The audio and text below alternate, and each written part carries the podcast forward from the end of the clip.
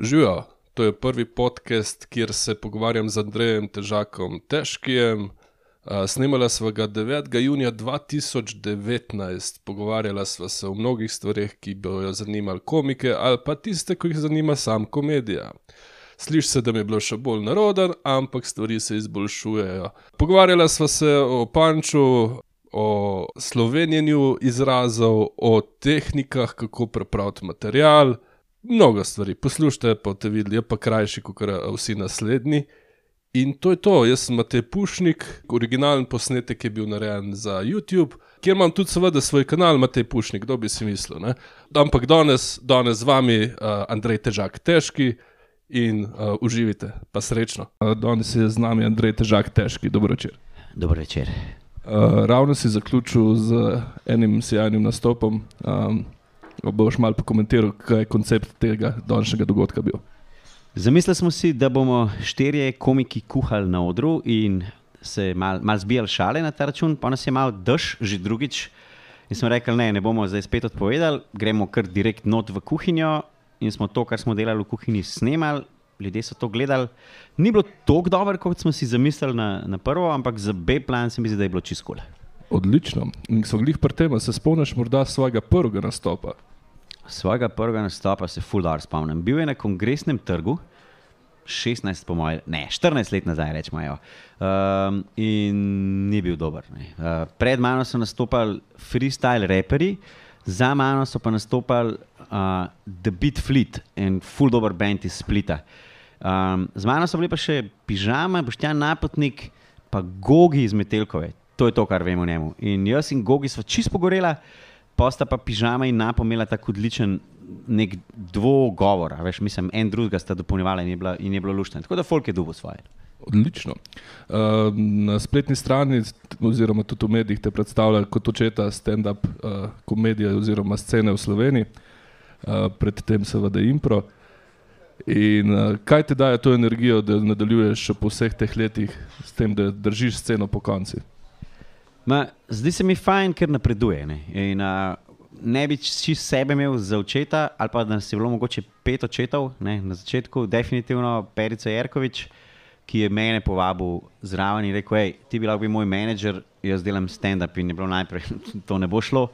Pa so pa nekako skupaj zbrala ekipo, pižama, rok zdaj Gaba, mladen Pahovič uh, in smo bili komikaze. In to je bilo res v primerjavi s tem, kar se danes gremo na stand-up sceni slabo. To je bilo na nivoju današnjih Open Mic večerov, katere smo pa mi prodajali, vse za nek denar. In bili pripričani, koliko smo dobri. Ne? Kasneje sta prišla še Klemen Bučan in Tin Vodopivec, pa Klemen Mauhler, pa Vanči Žorž, tako ekipa je rasla. Um, in mi smo bili pripričani, koliko smo dobri. In smo bili užaljeni, ker so ljudje govorili, slovenski stand-up ni dober, ne? gremo ameriškega, pa smo bili, oh, oh, ne. Danes pa, ko gledamo nazaj, vemo, da je to bila začetniška scena in ne moramo se primerjati, ne vem, še danes se ne moramo primerjati z velikani ameriškega ali pa angliškega stand-upa, smo pa prišli zelo daleč. Imamo svoj festival, že 12 let, imamo svoj klub, 5 let, jaz sem še enega v Zagrebu, kjer zgubljam ta denar, ki ga tle dobim. Ampak uh, tako, fajn mi je, ker se novi ljudje priključujejo, ki pridejo um, na Open Mike, kjer se nekaj naučijo, uh, spoštujejo ta klub, desetka kot nek prostor, kjer kjer lahko nastopajo. Um, pa seveda vsi pridejo do neke točke, ki bi radi denar, pa se hitro popečejo, ne, pa vidijo, da mogoče moš malo bolj delati, da dobiš denar, da to ni. Mislim, marsikdo začne delati scen, da bomo odkriti, zato ker se mu ne da več študirati. Ne, je tam nek tretji, četrti letnik, za bluzo je čist, že tretji, četrti letnik ali pa ne vem. Um, ne bi šel v službo, um, rad bi še malo cuzal doma, pa mami in zdaj bi to delal stand-up. Zdaj imamo mu več ne da denarja, zdaj bom tu, ne vem. Kakorkoli že, prvo vprašanje, kako je pa z narjem, ne? to je grozen. Ne? Ampak pa se tudi te, kašni odpadejo, kašni vidijo, da, da ni tako lahko, pa začnejo trdno delati. In meni je vsak komik nov, ki nastane, ko lahko rečeš, to je komik, je tudi mal moj uspeh. No? Super, uh, da malo zaideva stran od denarja, ker komedija pač jasno v Sloveniji smo. Uh, Uh, ampak omenil si Punch Festival, tukaj pa recimo imaš tudi uh, zvezde na evropski in svetovni ravni. In uh, recimo, ko gledaš ta festival, kako je rastel, lahko kakšne usporednice povežeš s tvojo rastjo čez leta. Panč raste tako, kot raste scena. Ne? In uh, jaz sem del te scene, uh, ne morem reči, da jaz ustvarjam to sceno, ampak sem pa eden od akterjev močnih, recimo teh glavnih. In ja, Panč raste tako, kot rastemo mi, ki ga delamo. Ne? In Panč dela vsako leto več ljudi, če tako pogledamo. Ne? Ti in vodopivec, pa jaz, sva te dva, ki ga drživa po koncu, ki ga sestava, ki se odločva, koliko dni bo trajal, ga zreklamirava, v glavnem delava celo leto. Ampak ne bi mogla brez 20 komikov, ne? oziroma letos 30 komikov, ker smo šli na 6 dni in vsak dan 5, plus povezovalci. In tako naprej. V glavnem je to en, ena množica ljudi, na katerih panč stoji. Zdaj, tako kot sem prej rekel, za začetek scene, ki mi nismo bili to, kar smo mislili, da smo smo vse en 12 let nazaj rekli, mi rabimo festival. Ne? In smo ga naredili, in je bil tri dni, in je bil uspešen. Uh, bolj kot smo s Tinom pričakovali, smo rekli, mi, da bomo imeli 300 ljudi na dan, pa smo vložili malo več v promocijo, dali evro plakate in je bilo 700, celo 800 ljudi. In zdaj smo prišli na nekih 1000, tudi 1200, gremo čez limit tega gradu včasih. In, in to je to, ljudje imajo radi stand-up. In kaj se najbolj vidi, razvoj stand-upa je meni najbolj jasen v trenutku, ko vidim, kakšne množice ljudi si danes želi, recimo, črnega stand-upa. Um, ko smo mi na začetku probavali um, z nekimi črnimi šalami, je bilo to katastrofa. Uh, samo res sladokusci imajo radi črn humor. Ne bom rekel, da tiskanje mara črnega humorja ni pravi ljubitelj stand-upa, ampak vidiš, kako raste scena, da se tudi različni žanri ustvarjajo, da je na eni strani imamo bolj tak humor za na televizijo, na drugi strani imamo ta, ki je čist nekorekten, imamo rjavi humor s podbevškom, pa imamo one-liner, ki jih na začetku ni bilo, pa imamo nekaj res govorijo, dolge zgodbe, pa na koncu fajn. V glavnem dobivamo nove žanre znotraj žanra. No. Super. Um, ena stvar, ki jo recimo pogrešam, rahlo seveda. Ne? Uh, je, so slovenski izrazi, ne? tudi Punch Festival, ne? v bistvu izvira iz Punchline, nerbaš. Ja, punč izvira iz punchline, oziroma kar kratko punč, kot rečejo angliži, se pravi zaključek šale, tisti, kar te udari. Um, Kako bi to besedo poslovenil? Ne znam je. Ne. Tako, kot ne znam, tako kot smo probavali, pa nismo znali posloveniti besede stand-up ali pa stand-up komedija, stoječi komik, pa komik, ki stoji.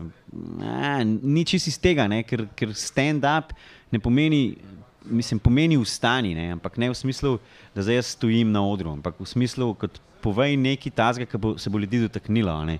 Črnci so v Ameriki začeli stand-up ali pa delovski razred v Angliji, želeli so nekaj povedati in čez smeh so se dotaknili ljudi. Ne? In to je stand-up. In zdaj, kako bi to povedal, ne? včasih so, so v Sloveniji pač temu rekli satira.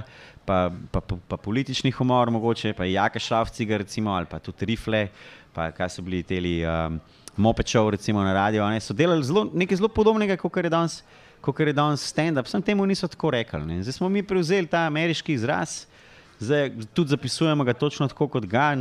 Vid je recimo Valič probaval, pa zapisal stand-up, ne piši, kaj što govoriš. Ne vem. Um, in tako pa so tudi vse te izrazi, um, ne, pa imamo, imamo line-up, se pravi, um, komike enega za drug, drugim ne, damo in, in to je line-up, oziroma vrstni red. Tukaj imamo vrstni red, ampak kar rečemo, kakšen je danes line-up. Um, in pa imamo setup, ne, se pravi začetek šale, ta, ki, ki zgradi v bistvu ta, to neko pričakovanje. In tudi ne vem, če bi, če bi znal posloven z eno besedo, ne, lahko gradnik šale, ne, recimo, in potem panč, udarec, um, zasmej se. Ne, uh, težko, je kar fajn, da smo obdržali, po mojem. No. Um, bi bil tako pogumen, da bi rekel, lahko biti v joku, setu, se pravi, kako recimo je zgrajen en nastop. Bi za to morda najdel kakšno besedo, ali bi se kar držal angliščine? Mogoče zato, ker smo se malo navadili lažje angliško, ne? ampak uh, joke je šala. Uh, Daleč stran od vica, ne? kar kakšni mladi komiki ne poštekajo, pa pol kasneje. Ja. Uh, pa lahko definiraš, kaj je razlika med šalo in vicem? Vic je tisti prepisan iz interneta, ki ga je nekdo drug napisal in ga govori množice ljudi po, ne, po vaških zabavah ali pa v gostilni en drugmu in, in ni avtorski. Šala mora biti avtorska, stand-up komik mora biti avtor. Um, tudi, so tudi primeri, pri nas še ne, ampak so primeri v tujini, ko nekdo piše za nekoga drugega. In to ni narobe, ampak uh, šale so potem strukturirane na tudi malo drugačen način. Vic, vic je tako narejen, da če ga prebereš na papirju, že dela. Uh, stand-up šala nujno rabi tudi dober delivery, ne? spet angliška beseda, torej dober nastop, dober, dobro podajanje šale. Samo imamo šala, lahko rečemo, um, podajanje šale tudi lahko rečemo, um, zapis šale bi mogoče lahko bil. Um, pa pa setup, ja, kot sem rekel, gradnik in pa panč, tisto, kar te udari. Naj, pa pa tisto, kar si rekel, pa da nastopa, ne? vsak nastop je se pravi sestavljen. Um, iz večjih šal dobimo rutino. Um, rutina je spet je ena poslovenjena beseda, um, nastane v bistvu tako, da ti šalo večkrat probaš. Ne. Več šal daš skupaj, ki se nekako skupaj držijo, in to je potem neka, neka rutina. In potem imaš nek, nek set. Um, ki si se odločil, da ga boš danes govoril, ne, in je različno dolg, lahko je 5, 10, 15, 20, tudi eno uro, in potem je pač nastop. Ne. In, evo, slovenska beseda. odlično, odlično. Uh, Dej povej, kako se ti pripravljaš na nastop, oziroma še bolj uh, točno, kako pišeš nov material. Bom najprej rekel, kako bi se mogel. Uh, vsak komik ima pri sebi beležko ali pa danes lahko tudi telefon, nekaj, na kar lahko posname. In ko hodi po, po cesti, ali pa ko je doma, ali pa se karkoli že pač počne, se mu zgodijo neke stvari, ki se mu zdijo hecne. Oziroma, mm, z tega bi pa lahko nekaj naredil. To je treba nujno zapisati. Uh, jaz sem pri sebi gotovo, da ni dovolj, da samo napišem banana, ne, ampak moram napisati, ne, ko je policaj šel mimo banane. Uh, se pravi, čim bolj tako, kot si si takrat šalo zamislil, in pa te neke listke ali pa blokac nekaj časa počiva ne, in potem se enkrat odločiš, da okay, zdaj pa jaz naredil nekaj novega. In se usedeš in prepišeš vse te šale in jih na novo oblikuješ. Šale v situaciji izpadajo drugače, kot kar pol, ki jih ti govoriš. Ne? To je treba zelo vedeti, da anekdota še ni dovolj. Um, in pač, no, to je to. In potem, potem pa čim večkrat ti na oder in to šalo probate. Ne? In potem, ko, ko, če se le da snemati in če se le da gledati. Uh, in ko gledaš, rečeš, da tukaj bi lahko drugače, tukaj bi lahko in pol to šalo večkrat zapisati, okrog obračati. Zelo pomembno je, da ko šalo zapišeš, da greš besedo po besedo in brišeš ven tisto, kar je nepomembno. Temu rečemo balast. Se pravi, besede, ki za šalo ne naredijo nič. Ne. Teh je lahko v eni šali tudi več kot tistih, ki naredijo, ne, ki si prvi zapisal. In ko toliko časa brišeš, da ne, nimaš več kaj izbrisati, da se ne spremeni pomen pol je to to. Ne. In takrat mora biti to ubijalsko. Um, zdaj si lepo povedal, kako bi se lahko lotiti tega dela. Ne? Kako se ga pa ti lotiš? Jaz uh, v resnici čist premalo to počnem. Um, snemam vse svoje nastope. Pogledal sem enkrat enega, tri minute in skoraj bruhal, ne, ne morem se gledati, ampak bi se lahko preselil. Jaz ponavadi, ker večkrat povezujem dogodke, si sproti zmišljujem stvari, ki se tam ki se zgodijo, malo se navežem na komika pred sabo, malo napovedujem komika za sabo, vmes, ko ostali nastopajo, si probam kaj zapisati. In tako res, res počasi nastaja nek material. Ne. V mojem primeru, petkrat počasneje kot pri nekem povprečnem dobrem slovenskem komiku, ne. recimo pri Perici, Tinu, Pižanju. Ampak, ampak tiska pa nastane, pa potem vsem probam dati v neko celoto. No. In danes si že upam, mislim, imel sem svoj solo show um, ki je bil uro pa pol, ampak če bi, ga, če bi zdaj gledal na njega, veliko stvari bi hotel zmetati ven. Tiste je bila bolj predstava, ki je bila not kitara, je bila not harmonika, je bilo en kup improvizacije in tako. Tisk, da rečem, da sem v desetih letih naredil, je pa mogoče uro materijala. Ne. Če bi pa delal tako, kot sem prej rekel, da bi mogel, bi ga bilo pa pet ur, ne. to je veliko več. um, se pravi, svoj čas v bistvu riskiraš za to, da držiš sceno po koncu, organiziraš različne dogodke kot pa da sam pišeš. A imaš željo napisati, kdaj kak svoj šov, uh, poleg tega deseti brat, se pravi, kako si ga preomenil. Um, recimo, kot imajo zdaj vsi komiki, vidimo plakate po celi Sloveniji.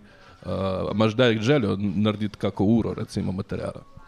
Definitivno imam željo, zato tudi hodim na oder, pa, pa to počnem. Um, ta del, ki ga jaz večinoma upravljam, je čist preveč birokratski. Uh, je čist preveč enega telefonarjenja, pisanja mailov, pošiljanja fotk itd., ne, promoviranja. Pač vse to imam rad, ampak rad imam pa polka, grem na oder in, in rečem, ok, to smo zdaj povedali 100 ljudem, 500, vse vse en koliko ljudem. Tako mi je super, ko pridem na panč in vidim tisoč ljudi in, in ko se mi zasmejijo. Ne. In seveda bi rad tudi jaz enkrat si usedel in rekel, ok, zdaj bom pa pustil tisti moj menedžerski del, ne, pa bom malo spisal. Ampak to bo treba čist na novo zastaviti stvari. Ne. A, se spomniš morda kakšnega od svojih prvih žokov, ki ti je bil res uno, to pa je zdaj material, ki je vreden poslušalcev? Ja, moja prva šala, ki jo še vedno govorim, ne, je žebljarstvo na Gmajni. Ne, in, uh, se pravi, petminuten uh, set, kjer, kjer sem pač zapeljal neko, neko malo resnično zgodbo z nekimi drugimi resničnimi zgodbami, ki jih vtaknemo vmes, pa si seveda zmislil vse, kar je okrog, zato da je, da je smešno in zabavno. Um, drugače pa je nekaj one-linerjev, no, tako kot recimo dva slepa prideta v studio smeha in pač dekli, dekle, ki tam ima reče, ja, če tako spila mi pomahita in ona dva ne, ne, prines nama dva pera točena, ne in pol do konca, a vidva sta slepa, kako ta zdaj pelala domov. ne. Tam je recimo en tak, ki se je zgodil na odru, ker se je to res zgodilo, dva slepa sta bila tam in, in ona dva sta bila prva totalno nasmejana. Ne. Um, par črnih šal, ki, so, ki se mi zdijo klever, imam par črnih, ki se zdijo meni klever, pa folku ne tok. Imam kakšno šalo, ki gre čist mim, pa gre pa drugič ful dobr. Probavam, tako kot vsi ostali. Um, ko pa recimo, zdaj smo bili pri prvi, ena izmed zadnjih, recimo, a si zdaj v teh dneh, recimo, a imaš kaj, kak jedro materijala, recimo, da bi lahko rekel, da iz tega bi se pa dal neki joke narediti ali pa set ali pa karkoli. Ja, Zdaj zelo razmišljam o tem, kako te svoje tri tekaške podvige, ki sem jih imel na zadnje, na njih je nastal kar nekaj šal, par sem jih že sprobal, kot recimo tista z vazelinom, ki, ki je bil na robe razumljen v lekarni, če se mi je vnel koloriti, jebi ga. Um, in, in še par takih, ki so se tam zgodile, to, če združim skupaj, dobim tak lep tekaški stand-up. Uh, Sprobal sem že enkrat 40 minut tega materiala, ampak na čist tekaško publiko, oziroma ljudi, ki jih to zanima. In mislim, da bo pri tem mogel ustati, ker um, ne predstavljam si v desetki ali pa tukaj v Činčinu, da bi, da bi to full folka zanimalo. Bi pa rad ene te dele, ne. Naredil neko tako retrospektivo tega svojega zdaj trenutnega življenja, ker to je stand-up. A, lahko na hitro še poveš uh, o teh tvojih tekaških podvigih, ker uh, ljudje te poznajo zdaj, tudi zaradi tega, seveda. Ne?